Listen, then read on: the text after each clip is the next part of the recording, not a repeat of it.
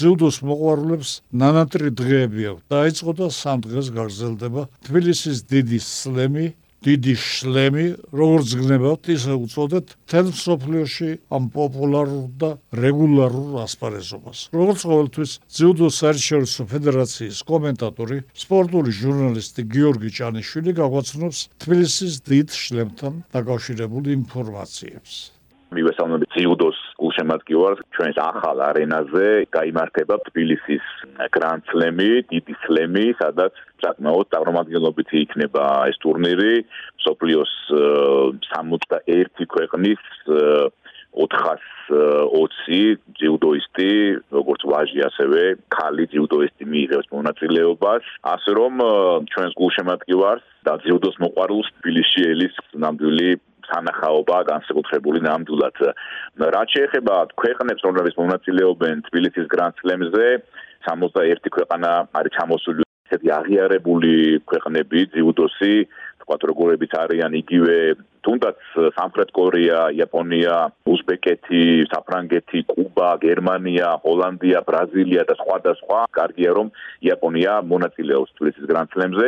ჩვენ ჯამში 40 ძიუდოისტი წარუდგებით ამ გრანდ სლემზე, 28 ვაჟი და 12 ქალი ძიუდოისტი მიიღებს მონაწილეობას. საკმაოდ შერეული გუნდია ჩვენი შემადგენლობა, არიან როგორც გამოცდილი და ტიტულოვანი ძიუდოისტები, ასევე ახალბედები, ახალგაზრდები, რამდენიმე მათგანი პირველად იასპარეზებს ასეთი დონის ტურნირზე. რაც შეეხება გამორჩეულ და ტიტულოვან ძიუდოისტებს, სამწუხაროდ რამდენიმე ლიდერი გამოაკვდა ჩვენს გუნდს, მათ შორის სოფლიო ჩემპიონი ტატო გრიგალაშვილი შეძლებს ასპარეზობას. გამის გამო ასევე ვარდამ ლიპარტელიანი გამოეთიშა ტურნირს, თუმცა ძალიან კარგია რომ ჩვენი ლიდერები იასპარეზებენ, რადგან მათი გამოსვლა საქართველოსში და თბილისში განსაკუთრებულია, რადგან გულში მათ კი ვარ სწორედ თბილისში ავთვალმე მათი ცოცხლად ხილვის საშუალება, მათი ცოცხალი ჯიუდოს ყურების შანსი ასე რომ კარგია რომ თუნდაც იგივე მოქმედი მსოფლიოს და ევროპის ჩემპიონები და ასევე ოლიმპიური ჩემპიონები მიიღებენ მონაწილეობას. მათ შორის დავასახელოთ თუნდაც ლაშა ქაური, ლაშა შავდათუაშვილი, ლუხომ ჩხიმიანი, იგივე კურამ თუშიშვილი, ქალთაშორის ეთერლი პარტელიანი და სხვა და სხვა. ამჟამად თბილისში აქვს შანსი მათი ხილვის, ასე რომ აი ეს დღეები 24, 25, 26 მარტი ძიუდოს გულშემატკივარს თბილისი არენაზე, ელი ძალიან საინტერესო ორთაბრძოლები, თქმა უნდა, იმედი გვაქვს რომ გულშემატკივარი როგორც ყოველთვის ამჯერადაც საკმაოდ მრავლად იქნება ახალ თბილისი არენაზე და ხარს დაუჭერს ჩვენს ჯიუდოისტებს და ასევე გულშემატკივარი დააკვირდება და დატკდება სოფლიო ჯიუდოს ვარსკვლავების ასპარეზობით თბილისში. ერთი კვირის წინ როცა ჩვენს მიმოხილვაში სახელოვან მოჭიდავეს ლევან თედიაშვილს საიუბილეო 75 დაბადების დღე მიულოცეთ სოფლიოს ორგზის ჩემპიონმა გურამ საღარაძემ იუბილარს ლევან თედიაშვილს ჭიდაობის პელე უწოდა. მეორე თუ მესამე დღეს აჯარიდან, მახინჯაურიდან ამერიკა ჭიდაობისა და ფეხბურთის თაყვანისმცემელმა რევა ზახვლედიანმა და თავისი მეგობრების სახელით თხოვა გურამ საღარაძეს სპორტული ბიოგრაფია შეეხსენებია რადიო მსმენელებისათვის. მე რასაკვირველია ჯერ შეუტახდი გურამ საღალაძეს ჩვენი შეხვედრის და ინტერვიუს თარიღს დაუთქვით, მაგრამ ტელეფონით საუბრისას გურამ საღალაძემ სპორტული კარიერის რამდენიმე ეპიზოდიც გაიხსენა, რომლებსაც ახლა თქვენს მოგესმენთ.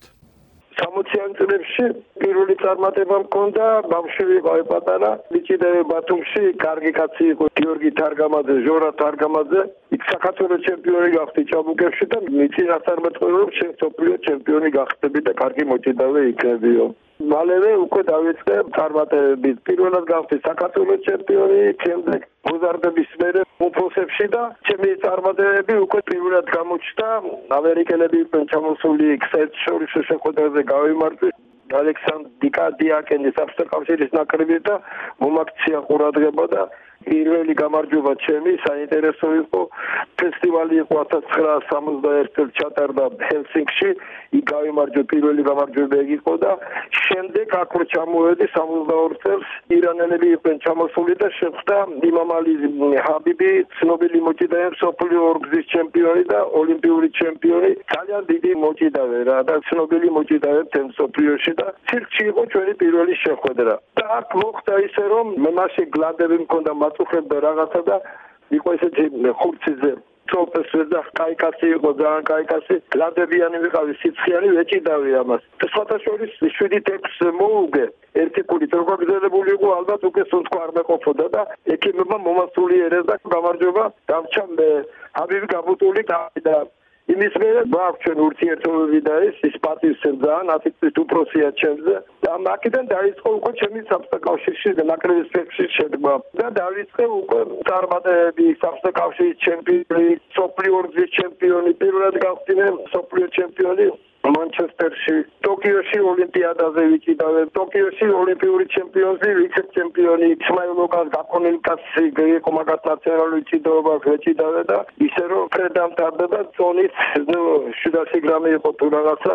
აქედან ჩემი გულშემატკივრები დოდომაში ზეროსი მაჯგალაძე მიგზავიან წელი წელი ვერცხლი კროსგირჩენია და ისე რომ მე ახლა რა თქმა უნდა წარმატებები მეტი უნდა მქონებოდა მაგრამ იყო რაღაც რაღაც ესეთი მომენტები რომ მაშინ რაღაც კორუფცია ტრიალებდა მაინც და საჯები და ისინი იდივეში გამიფუჭეს შეხვედრა ერთი მეორე შეხვედრა გამიფუჭეს კიდე დიდ შეჯიბრზე და გაფუჭებას იმას რომ დახე რომ საჯებმა არასწორად შეაფასეს ეს რაღაცები და მაგრამ დღესდღეობით მაინც ასია თუ ისე ჭიდაობის წარმომადგენელი ვარ და ტიტულიც მაქვს სახელიც მაქვს დამსახურებული სნელიც ვარ უფროსი წელი ვიყავი საქართველოს ნაკრების 80-იან წლებში ხაბელოვი გობეჯიშვილი აესერი ჩემს მეტვალყურეობის ქვეშ ისდებოდნენ და თვითონ ლუკა კურტაიძესაც რა თქმა უნდა ვაქცევდი ყურადღებას შემდეგ ახალგაზრდაობებს და კონსულტაციას უწევდი. ეხლა ვარ ჭიდაობასთან ძალიან ახლოს.